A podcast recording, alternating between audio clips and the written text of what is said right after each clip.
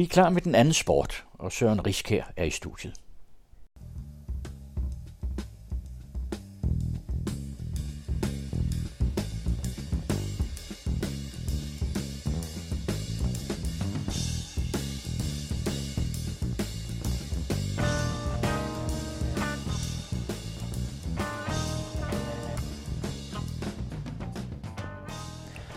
Velkommen til den anden sport på den anden radio. Mit navn er Søren Riskær.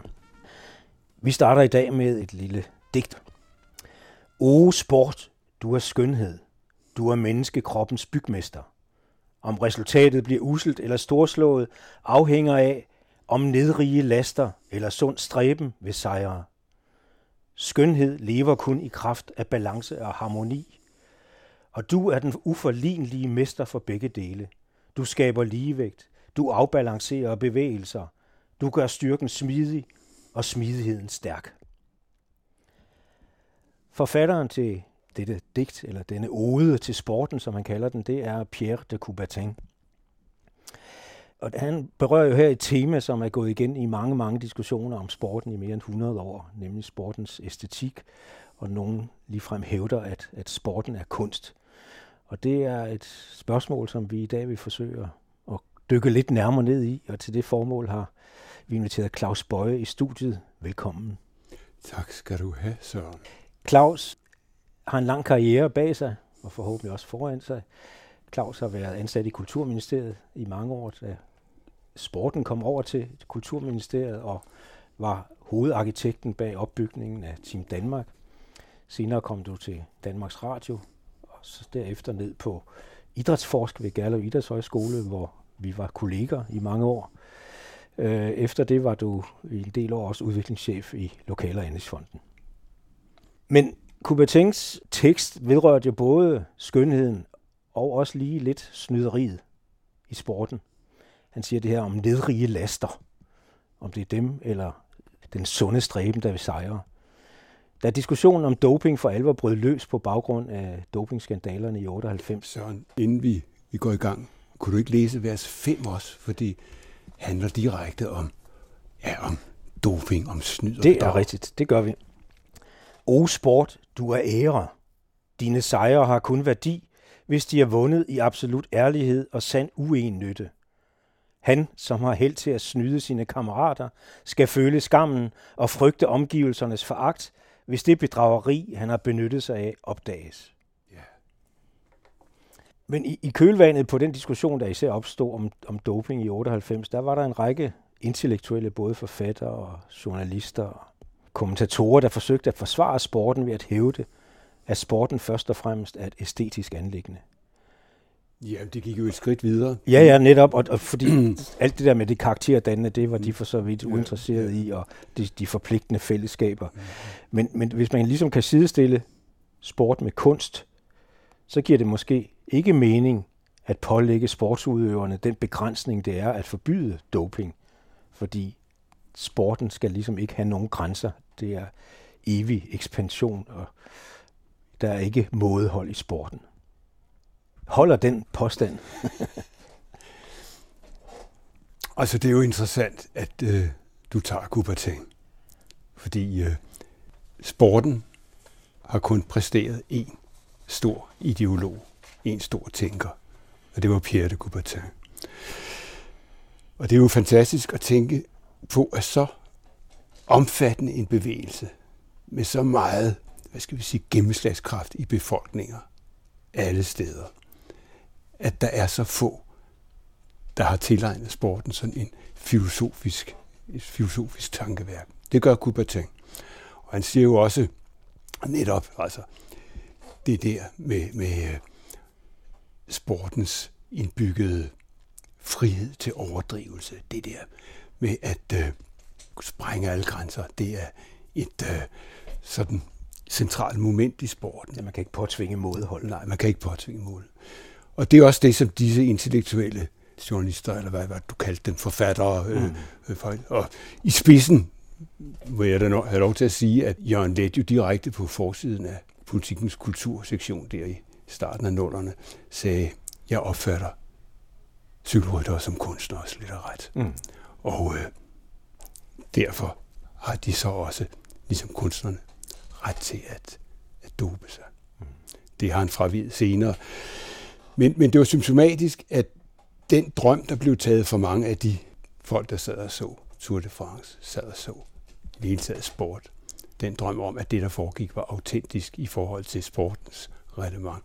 Det blev frataget med en kæmpe skuffelse. Mm. Og det gjorde, at man måtte prøve at finde ud af, om man kunne finde nogle udveje, så man skulle fastholde fascinationen, samtidig med, at man, man øh, frikendte det der doping en væsentlig betydning for det, der foregik.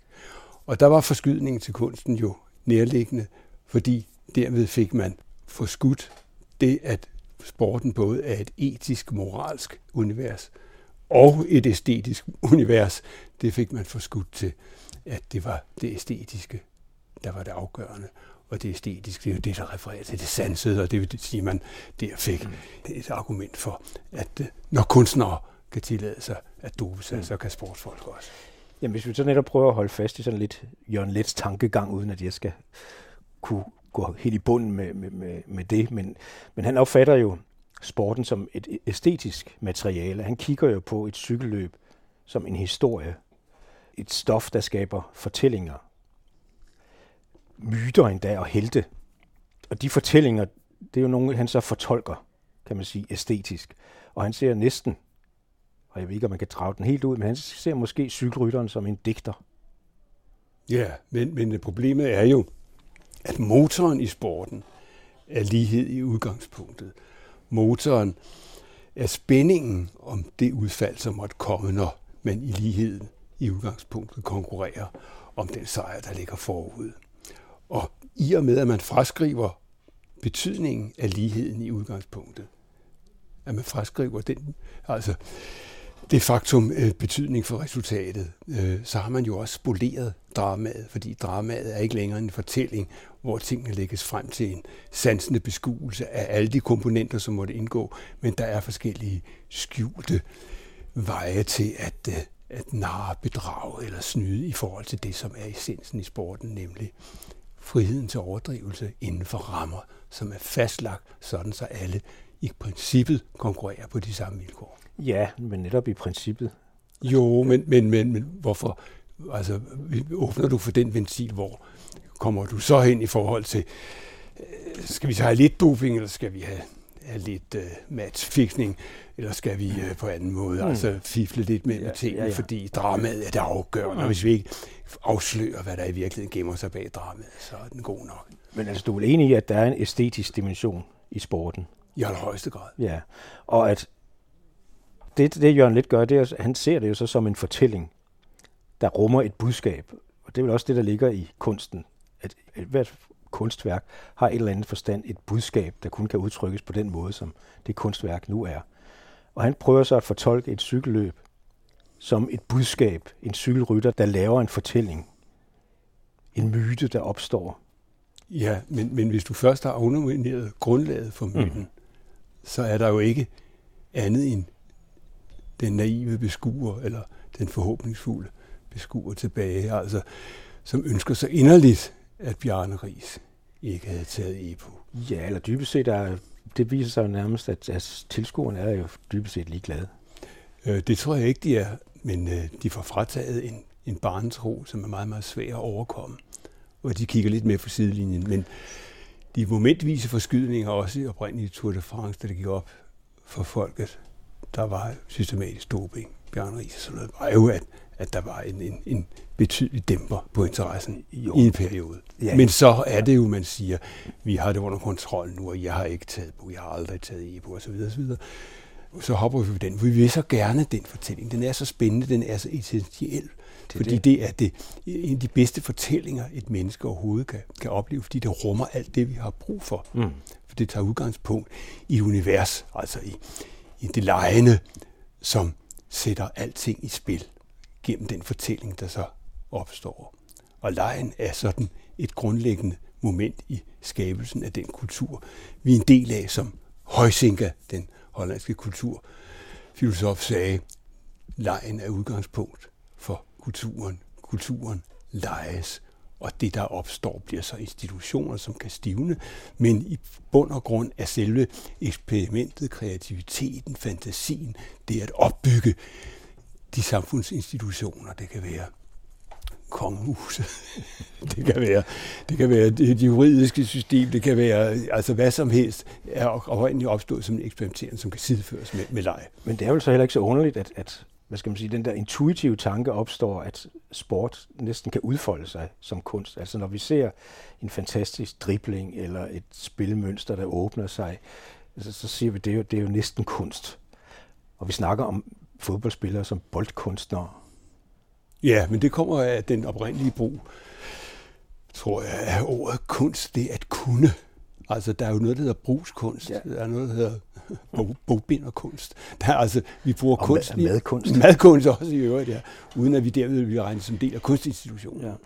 Og vi har en kulturminister, som i al sin forfærdelighed har sagt, at Karoline Wozniacki, da hun spillede finale i, i Australian Open, var udtryk for næsten kunst. Ja. Altså, der er også en graduering der. Ja. Men, men kunst og sport er to vidt forskellige verdener. Der er en lang række hvad skal vi sige, afgørende kriterier for, for den forskel. Men lad os så prøve at gå lidt systematisk til værks i forhold til nogle af de her kriterier, fordi netop kulturministerens bemærkning om Karoline Wozniacki, da hun vandt Australian Open sidste år, fik dig til at skrive et indlæg i Jyllandsposten, hvor du opregner 10 eller 11 påstande om forskellen mellem sport og kunst. Og vi kan tage dem fra en ende af. Du skriver, at sportens resultater giver kun mening inden for et sæt af klare og transparente regler. Kunsten kan tillade sig at sprænge alle regler og stadig være kunst. Måske endda rigtig god kunst. Ja, det er jo sådan en, en indlysende umiddelbar forskel. Mm. Altså vi har i sporten et reglement, det skal følges, og hvis det følges, og rammerne er efter de forestillinger, man har, så, så, så kan man måle det resultat. Men kunstnere kan vel også finde på at opsætte rammer og regler for sig selv? Det kan det sagtens, men det er ikke del af en proces, hvor de skal indpasse sig. Men det er en del, hvor, hvor det bliver en provokation eller en udfordring til at skabe noget nyt, som blandt andet kunne være resultat af den modstand, de rammer eller de forhindringer jo, udgør. Altså nu Cobra-malerne, for, ja. for at tage et eksempel, de havde jo ret snævre rammer for, hvordan de skulle male egentlig. Altså det, kan man så sige, nogen siger, det stivnede lidt, men altså det var, der skulle være masker, og det skulle være spontant, og og intuitivt. Altså, der var man ligesom opstået en ideologi omkring det, som man så skulle rette sig ind efter. Ja, men det, at der er retninger inden for malerkunsten eller musikken, som prøver at fylde et bestemt filosofisk eller kunstpolitisk syn ud, ved jo ikke, eller, af, eller gør ikke øh, selve ideen om, at sporten følger et regelsæt, og hvis det overtrædes, så er der dømt mm. forkert på en hver måde. Ikke? Hvor kunsten i sin essens hele tiden søger at gå derhen, hvor nye ting kan opstå uforudset af de grænser, som måtte være kendt hidtil. Som Jorn sagde, da vi nu snakker Cobra, hvis man ikke går til yderligheder, er der ingen grund til at gå. Mm. Med de yderligheder mente han selvfølgelig, hvis man ikke vælter det univers, som er en etableret del af det kendte eller det erkendelsesmæssige mm. konstaterede, så, så er der sgu ikke noget ved kunsten vi kommer nok tilbage til noget af det her nu. Kunsten er centralt forankret i en æstetisk udfordring, som sporten kan ignorere og alligevel opnå et godt resultat. Ja, det synes jeg, vi har mange eksempler på. Mm. At, øh, at man kan være vidne til de mest altså æstetisk set lammende, kedsommelige forløber, altså kampe, der afvikles med et gusten formål at holde bestemt resultat, altså hvor selve udførelsen er simpelthen underordnet. Men vi ser vel også nogle gange i hvert fald et, en løber, der har et æstetisk flot løb, har måske også et meget effektivt løb. Jamen, det, de ting passer formentlig mægtig godt sammen. Det har jo ikke noget at gøre med, hvad skal vi sige, at, at, øh, man, man kan underkende æstetikkens betydning for resultatet. At æstetikken er en del af også det dårlige resultat. Det, det er så en, en, en anden snak. Og det, den æstetisk velafviklende løber vil oftest være mere effektiv også. Altså fordi han mm. eller hun bruger de øh, love, som er indbygget i, i fysiologien, altså i evnen til at løbe effektivt. Okay, vi går videre til den tredje påstand. Sportens resultater lader sig i modsætning til kunstens altid måle og bruges til at etablere et veldefineret hierarki. Ja, og det er det, vi ser. Ja, alle steder. Altså, men der er vel også hierarkier inden for kunsten. øh, jamen, de er ikke veldefineret. Ah, kunstmarkedet, altså hvis vi snakker Ja, billedkunst, det- der er, ja, så ser man på auktionspriser, og der er censurerede udstillinger, man skal ind på. Fuldstændig rigtigt, og der er nogle museer, og der er, Ja. er nogle retninger, som, men, men, men det afgørende er, at her findes kun i sporten findes et eneste hierarki. Og det er det, som de internationale sportsforbund altså tilrettelægger, og så selvfølgelig til det nationale forbund. Og det er en indpasning i det, og der er ikke nogen svingjern ud. Du kan ikke blive dansk mester i fodbold på to forskellige måder. Men du kan godt skabe fremragende kunst på et meget højt plan mange, mange forskellige måder, uden at du kan indpasses i et hierarki i forhold til, hvor den ene ligger i forhold til den anden. Og Ja, men alligevel ser vi jo internationale kunsttidsskrifter opregne de 100 mest betydende kunstnere, og der er jo en sådan en klar rangordning fra nummer 1 til 100. Jo, men, men jeg synes, der er en kæmpe forskel på at have en eksakt målestok, Mm. og så have en diskussion om kvalitet. Og det er jo det, man har i kunsten. Godt, vi går videre til nummer 4. Kunstværker, altså så er det lidt af det samme, vi er inde på her. Kunstværker værdsættes uanset om kunstneren dopede sig i produktionsfasen, sportsudøverens resultater forkastes.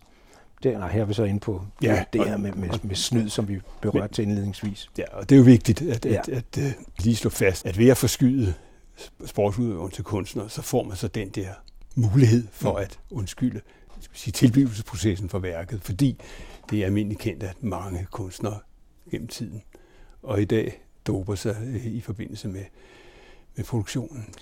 Og, og det spiller ikke nogen rolle for, for værket, Nej. altså når man betragter det. Det er det, der ingen, der kunne, kunne forestille sig. Men alligevel har vi også let ved at tilgive sportsstjerner. Der har været altså Maradona, som jo blev taget flere gange for kokainmisbrug.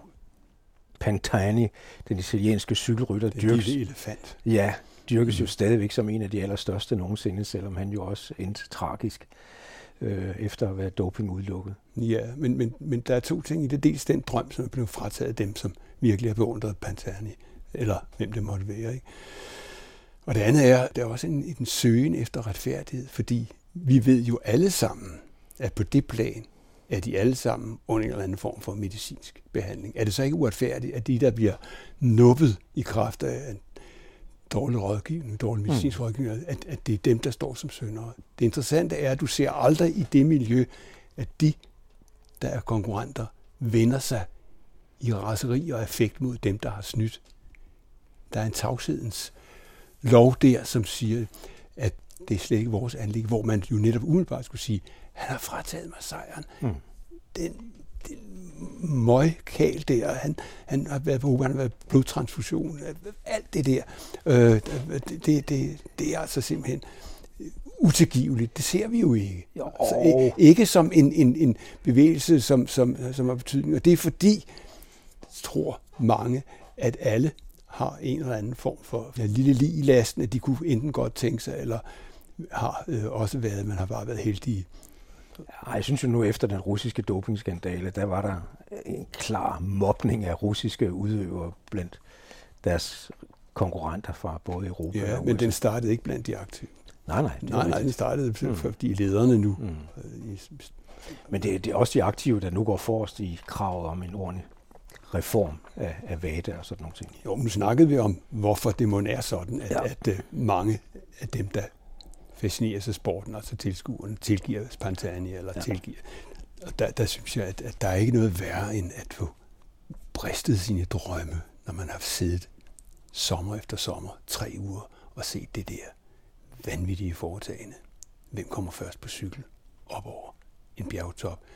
Det kan til nød være spændende, men lige ud af landevejen. Og så med en norsk sprinter som den første.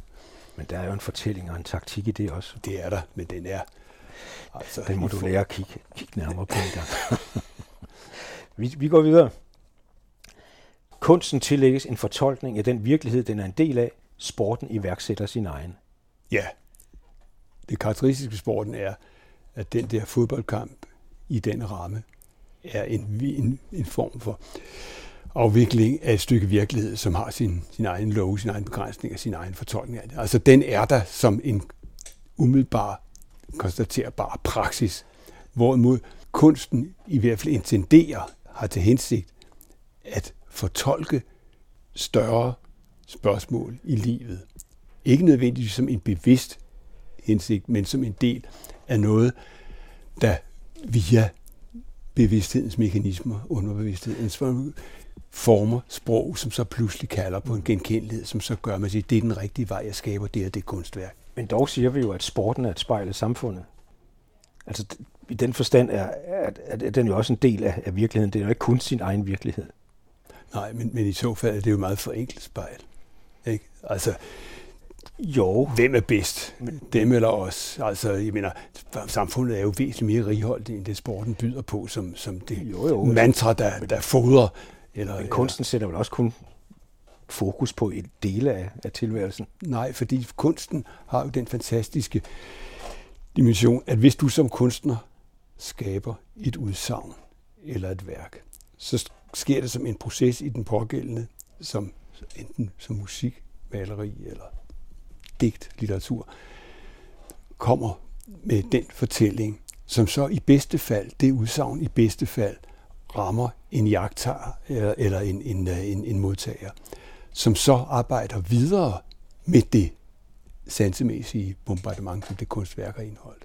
Og det vil sige, at der sker jo en lang række fortolkninger, som ligger uden for enhver form for afgrænsning, mm. i forhold til at forstå, hvad livet dybest set drejer sig om. Okay så. Kunsten forholder sig ofte kritisk til tilværelsens vilkår. Sporten rummer næppe korrektioner til samfundets orden. Der må jeg jo sige, at en af de begivenheder, der har gjort dybest indtryk på mig i hele min idrætskarriere, det var da de to John Carlos og Tommy Smith stillede sig op sejrsceremonien efter 200 meter løbet i Mexico til OL i 1968. Det var vel udtryk for at være kritisk i forhold til tilværelsens vilkår. Ja. Hvis du kunne sige det samme om deres 200 meter løb, umiddelbart inden, mm. så er jeg fuldstændig enig. Det kan du jo ikke. Så bliver afholdt inden for rammerne. Tider, alting var i orden. Men her stiller de sig op og ødelægger rammerne ved at opføre sig utilgiveligt i forhold til det regelsæt, der er. De springer nogle rammer, og derved er det ikke sport længere. Men så er det noget så vemmeligt som politik. Og det klassiske dogme er sport og politik af to sider, af to forskellige sider. Ja, de hænger ikke sammen. De hænger ikke sammen. Nej. Og derfor er det et, et rigtig dårligt eksempel, synes jeg, på at... at uh... Men netop sporten i kraft af den opmærksomhed, den tiltrækker, bruges jo netop ofte. Og det kan man jo ikke holde det ud fra, det bruges jo politisk. Ja, ja, men, men det har jo ikke noget at gøre med sporten som, som institution, som væsen, som uh, tildragelse eller som oplevelse. Mm.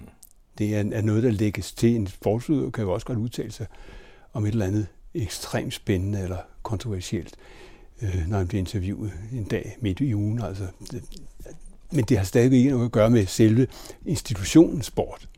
Det er jo et udtryk, et udtryk for, at, at det giver gennemslagskraft, når et menneske er kendt og, og, og dyrket, øh, så er det altid interessant åbenbart. Ikke? Jo, og vi så det jo også med danske håndboldspillere som en overgang spillede med små markader med idræt for fred i, i 80'erne. Ja, og blev forbudt at ja. have dem på. Ikke? Det er nemlig Og de ville blive sendt hjem med flyvemaskine ja. for OL, hvis de ikke tog de trøjer af, hvor der stod idræt for fred. Mm. Altså, der er ingen noget her, vel? Næste påstand.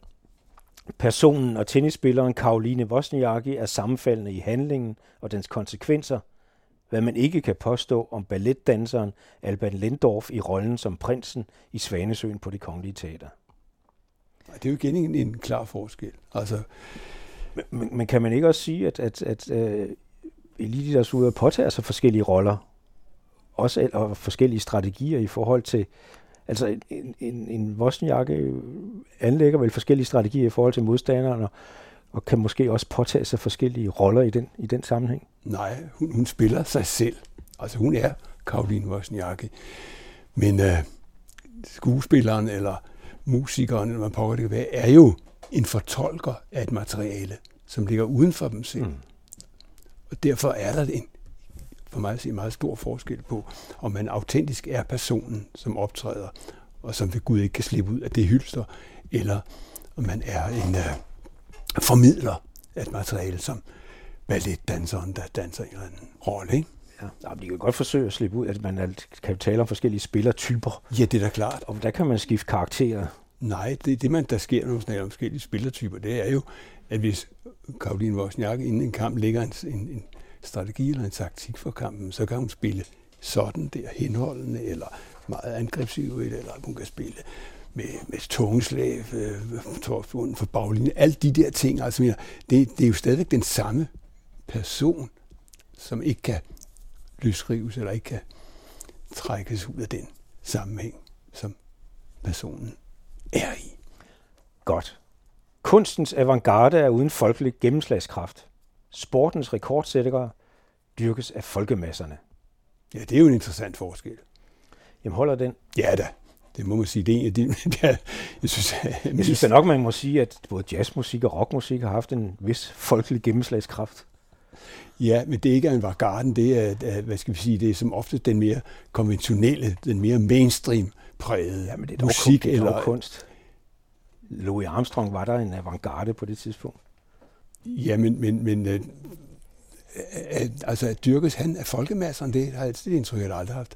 Altså nu tager du Louis Armstrong, som ligger historisk så langt tilbage, så vi ja. har et problem her, ikke? Men lad os tage noget mere aktuelt.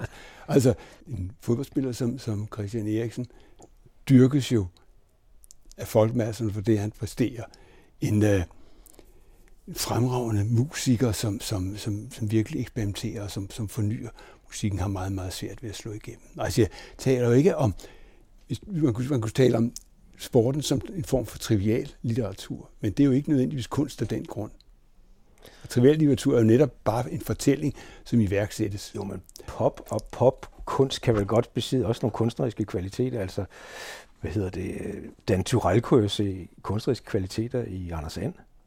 Jamen, men det er sådan set ikke et argument, hvad Dan Tyrell øh, eventuelt kunne sige. Altså spørgsmålet er, om man, om man accepterer, at, at øh, det generelle billede er, at der, hvor kunsten virkelig er ude og satse, hvor den virkelig eksperimenteres, hvor det virkelig gør ondt i forhold til, der er meget lidt gennemslagskraft i forhold til, til markedets, til sponsorerne, til alle de der, som løber efter, efter øh, sportens avantgarde, altså de bedste.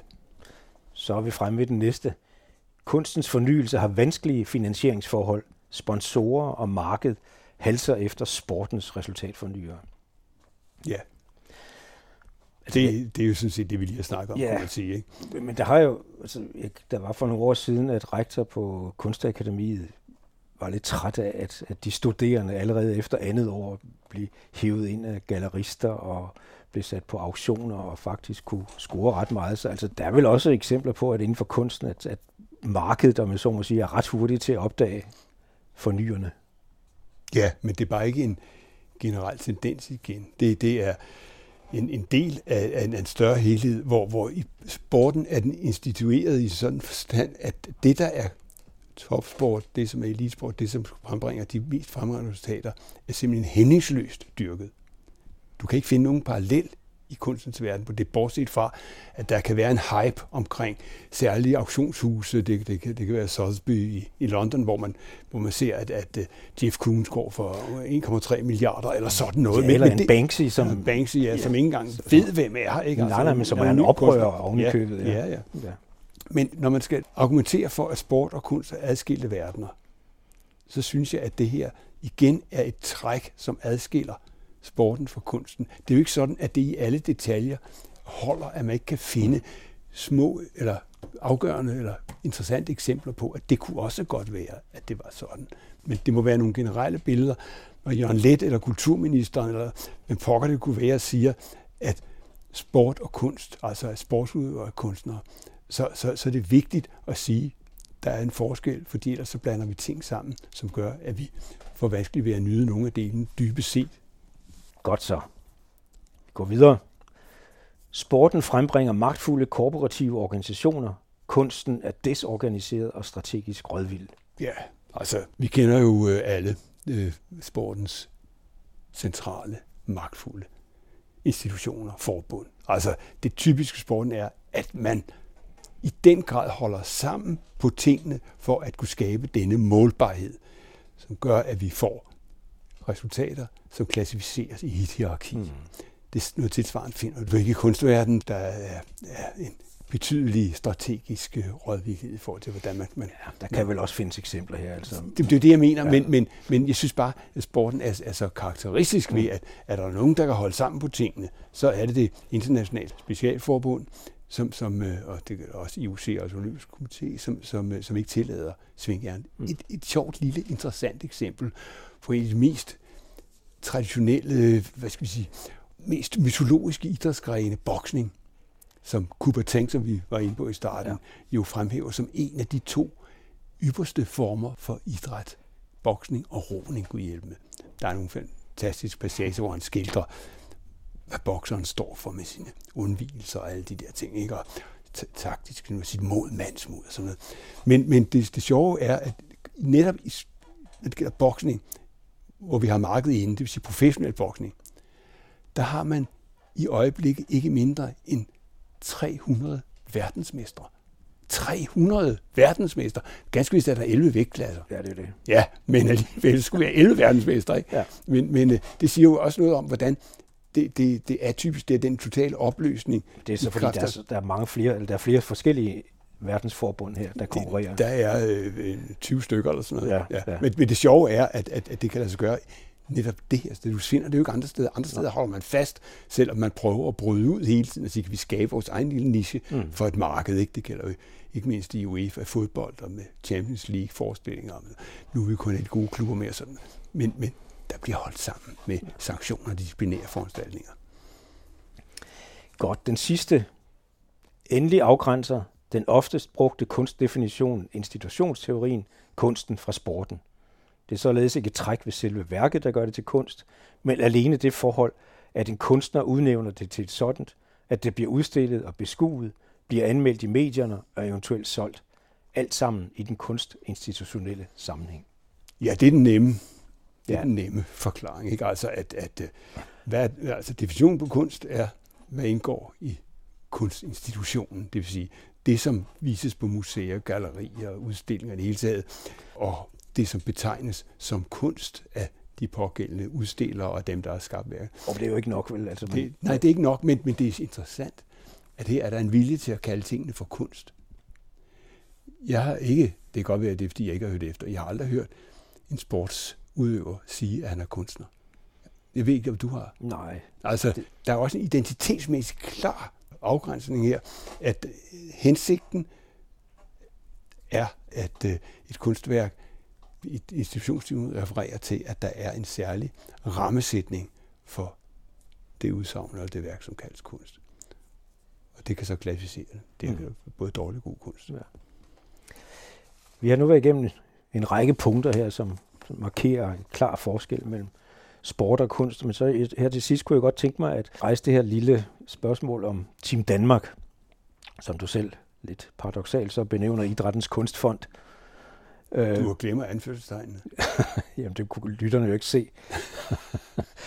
Men der var oprindeligt en lille, i hvert fald i lovens bemærkninger, at, at øh, der kunne, Team Danmark også kunne give støtte til eksperimenter med og forsøg på udvikling af eliteidrættens udtryksformer.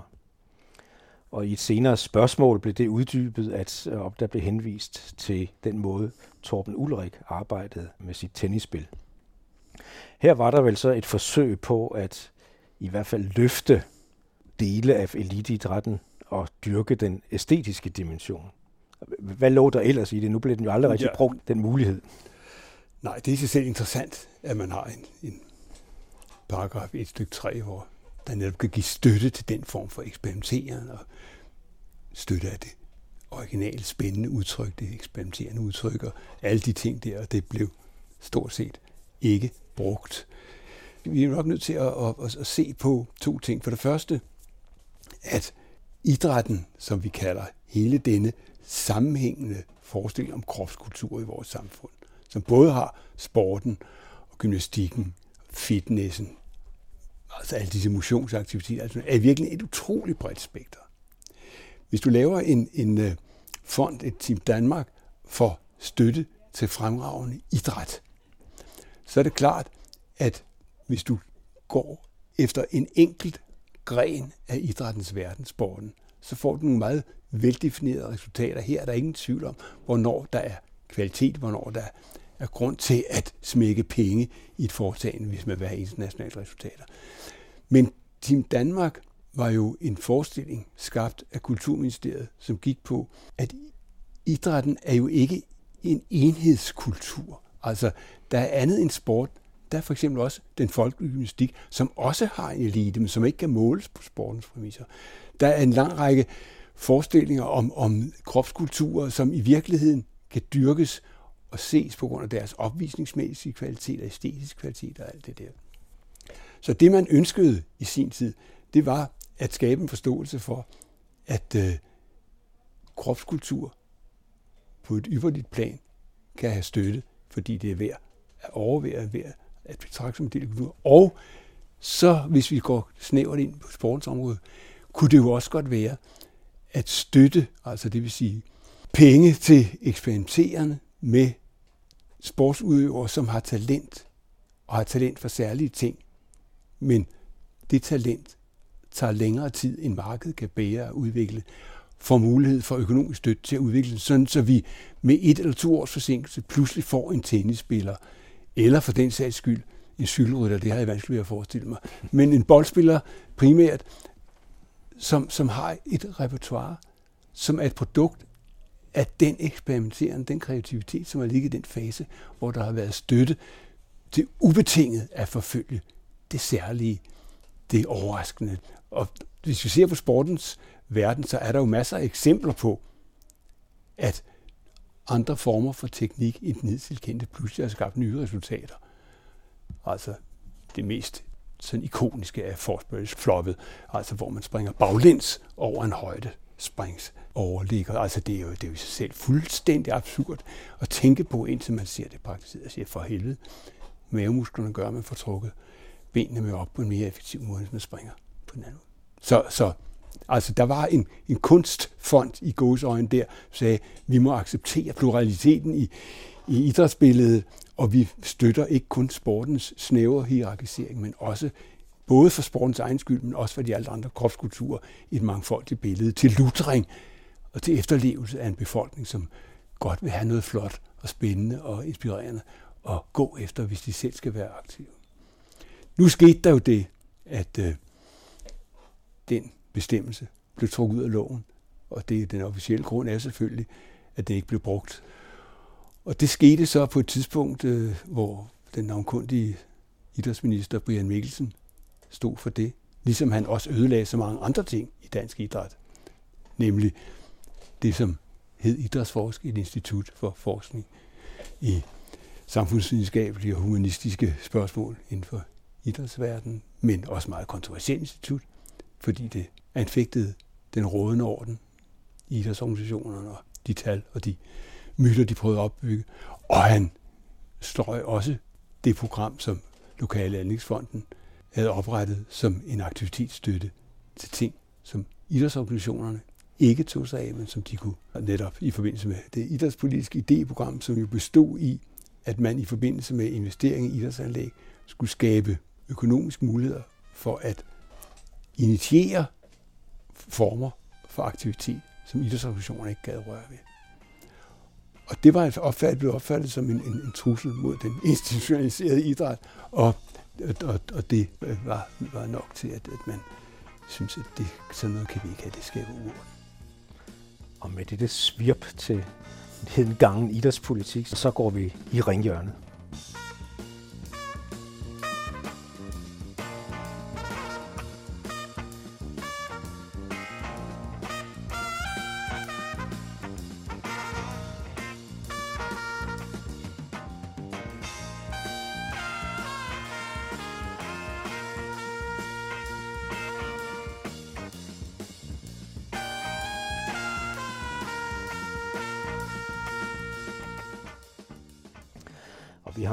Tre emner, som vi synes lige kunne være interessant at berøre.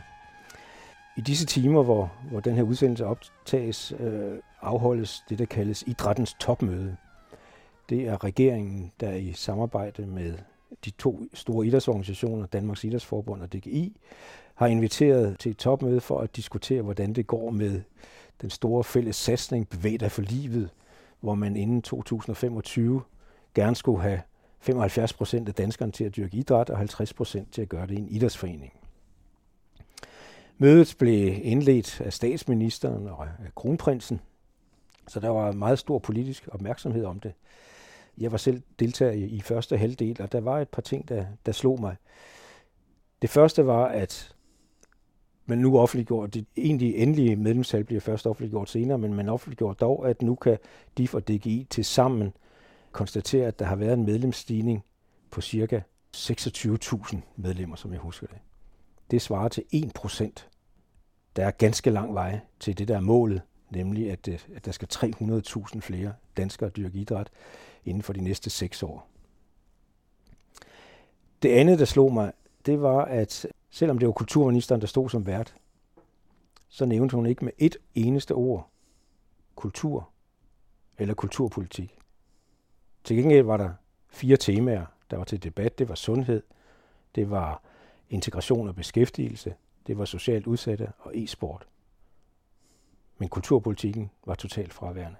Det var lidt deprimerende. Ja, men, men måske i virkeligheden helt naturligt og rimeligt, fordi idrætspolitikken i de her år har jo ikke noget med kulturpolitik at gøre. Det er sundhedspolitik. Man taler om kredsløb, man taler om motionsværdier og måder og gerne i meget, meget enkle former at bevæge kroppen, så der kommer en gavnlig virkning af den motoriske aktivitet. Så det kan ikke undre, at, at det er sundhed, der, der står øh, øverst på listen der. Og så er der en, en anden side, som jo også styrkes meget, når det gælder idrætten fra regeringens side. Det er jo så erhvervspolitikken, altså hvor vi ser, at man er mere interesseret i branding, store stævner og, og den slags ting, hvor koryfæer som Lars Løkke og kronprins Frederik stiller sig op og er med på hvad som helst, hvis det bare er spændende. Spændende for dem, og det er Tour de France, og det er jo Formel 1, og det er jo alle de der ting. Mm. Så i og for sig er det ikke så mærkeligt, men, men problemet er selvfølgelig, at vi har en kulturministerium, en kulturminister, som ikke prøver at sætte en dagsorden, og simpelthen sige, jamen det interessante ved idrætten er, at det er en kulturpolitisk faktor. Så mange deltager. Og det, vi kunne få ud af at deltage i den idræt, er andet og mere end simpel kredsløbstræning eller muskelopbygning. Og en af de afgørende pointer er jo, at idrætten, ligesom al anden kultur, er en utrolig sammensat bevægelse af mange forskellige delkulturer. Og man kunne sagtens gøre noget ud af at skabe også en form for æstetisk, emotionel begejstring for idrætsudfoldelse, som ikke kun har det der sundheds- eller erhvervspolitiske sigte. Fordi det slog mig også, altså det store slagnummer var så, at nu vil regeringen gå ind og afsætte x antal millioner til et projekt, de kalder motion og fællesskab på recept. Og øh, sundhedsministeren brugte lang tid til at forklare om det, og så omtalte hun fællesskabet som det lille ekstra krydderi og det var måske der, man kunne sige, at der kunne være en, en kulturpolitisk argumentation for, for hele den her satsning. Det ligger dog i, i fællesskaberne og, og det, man opnår i et fællesskab. Men det var altså kun et lille krydderi. Jo, men fællesskab er jo bare en ramme. Der kan ske rigtig grimme ting og rigtig spændende det ting i et fællesskab. Men, men, man udfordrer dog i et ja, fællesskab. Men, men det er igen en del af en terminologi, som, som har en plusværdi. Ikke? Mm. At man siger, at fællesskab, det skal vi have lidt af, så det er altid godt. Ikke? Ja.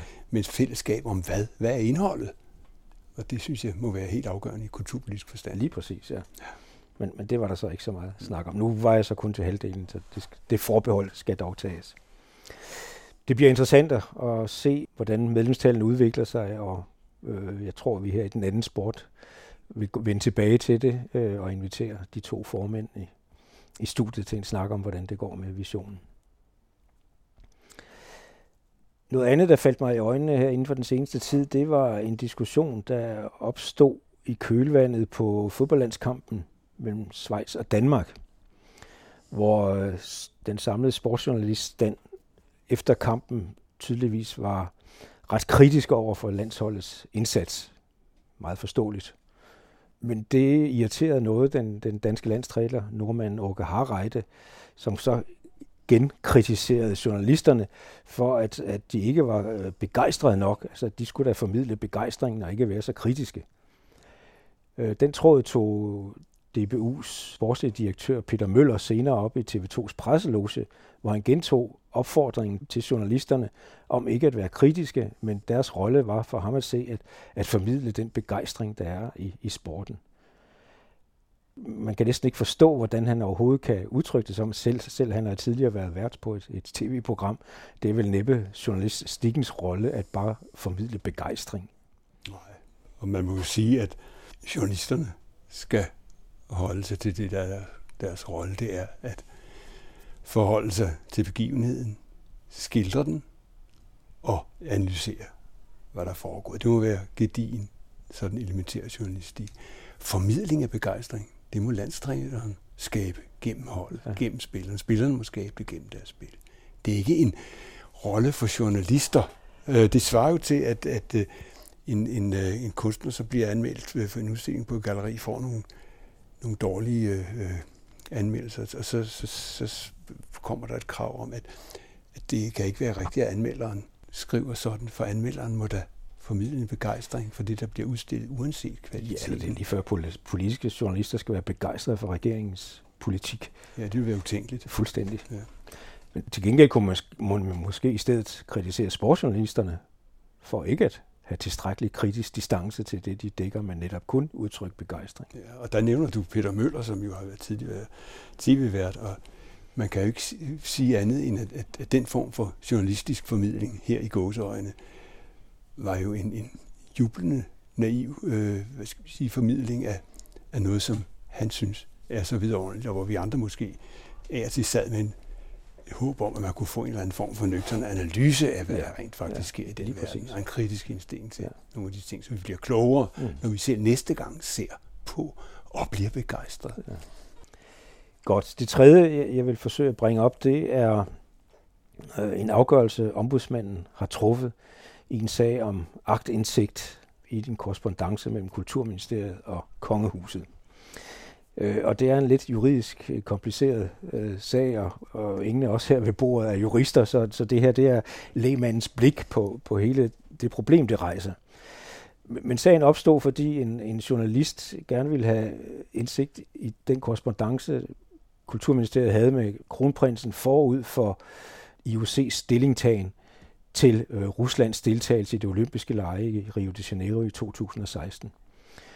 Den store dopingskandale var blevet afsløret, og der var udbredt krav om, at øh, Rusland skulle udelukkes. Ikke mindst øh, de europæiske regeringer og ikke mindst med den danske kulturminister i spidsen forsøgte at lægge et voldsomt pres på IOC for at øh, udelukke Rusland fra deltagelse. Det stillede jo kronprinsen selvfølgelig i dilemma, fordi han skulle være med til at tage stilling til det her.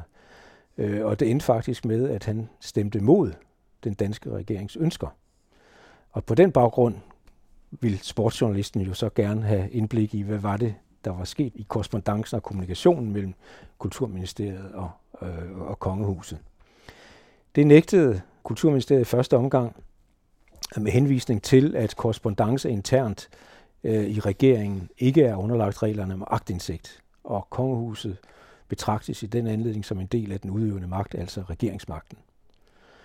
Den afgørelse ville ombudsmanden i første omgang ikke godkende, fordi han argumenterede for, at kronprinsen var medlem af IOC som privatperson i sin personlige egenskab, som han siger. Så der skældner man altså mellem kronprinsen som privatperson og kronprinsen som offentlig person. Og så måtte Kulturministeriets jurister på den igen. De anerkendte så, at der var noget af det, der skulle være udleveret, og andet måtte, øh, kunne de så øh, holde øh, hemmeligt under henvisning til, at det var del i internationalt samarbejde. Men der var stadigvæk en, en korrespondence, som de ikke udleverede, og det gjorde man så nu med den begrundelse, at det var af hensyn til regeringens interne taktiske overvejelser i forbindelse med stillingtagen til, til Ruslands udelukkelse. Og den argumentation, den godkendte ombudsmanden så, fordi der her kunne man tage en konkret vurdering i brug. Der er en masse jura i det her, men jeg synes, at hele sagen igen sætter fokus på, hvor betændt det er, at den danske kronprins er medlem af IOC. Og at man nu så må opfinde en argumentation om, at det er han ikke som offentlig person, det er han som privatperson.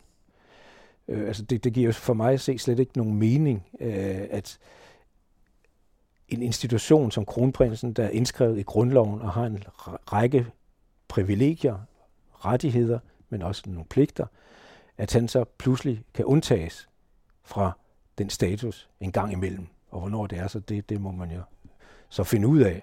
Øh, men det giver heller ingen mening, at, at regeringen korresponderer med en privatperson om sin interne overvejelser.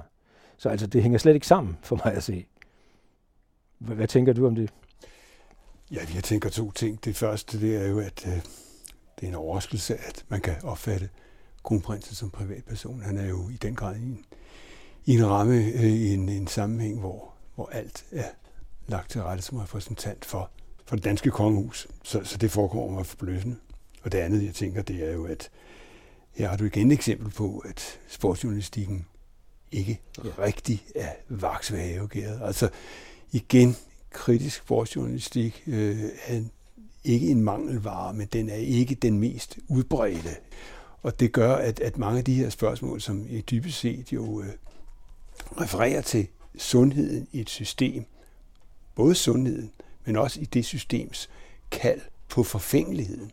Altså, hvorfor stiller Lars Løkke Rasmussen så op for som helst? Hvorfor gør kronprinsen sig til, til sårbart medlem af en komité, hvor han formentlig ikke engang har nogen særlige idrætspolitiske overvejelser, men føler sig lutret ved at være i et sammenhæng, et selskab af honorationer så forskellige Ja, og hvor den ene korruptionsdag ja, efter den anden stadigvæk dukker hvor, op. Hvor han bliver i den grad øh, infiltreret i en klæbrig masse af korruption og alle disse ting, som, som følger med komité har gjort det historisk øh, hele vejen igennem.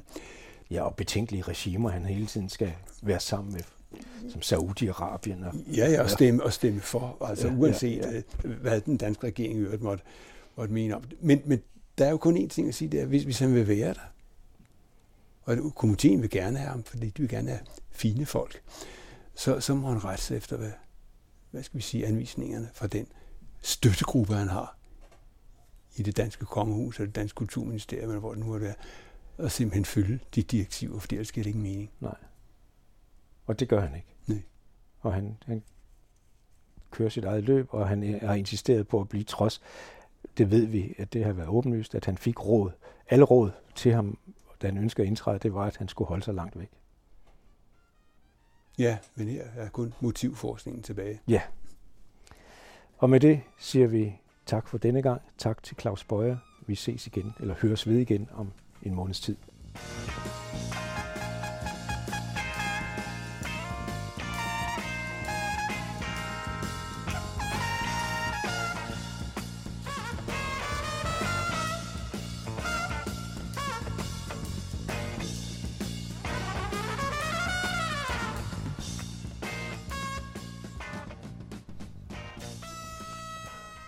Det var Søren Riskær, der stod for den anden sport.